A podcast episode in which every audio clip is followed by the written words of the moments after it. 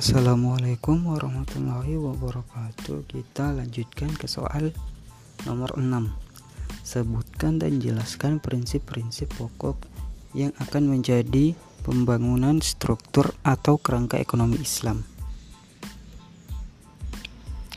Yang pertama, pengendalian harta individu agar mengalir menuju investasi merupakan prinsip dasar kepentingan yang mendorong dan memaksa harta yang bertumpuk keluar dan meng dan mengakur ke dalam aktivitas perekonomian.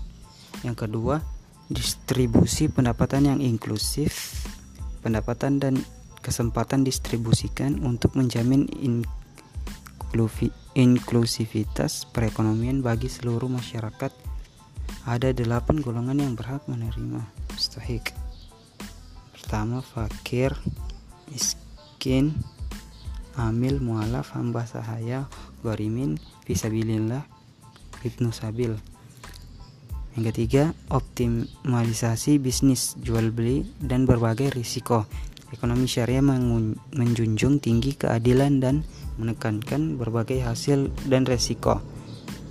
Kebebasan pertukaran. Yang keempat transaksi keuangan terkait sektor erat sektor real Ekonomi syariah mensyaratkan bahwa setiap transaksi keuangan hanya terjadi jika adanya transaksi sektor real.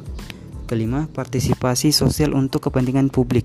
Ekonomi Islam mendorong pihak yang memiliki harta untuk berpartisipasi membangun kepentingan bersama. Misalnya mewakafkan tanah untuk pembangunan rumah sakit. Yang keenam, transaksi muamalat.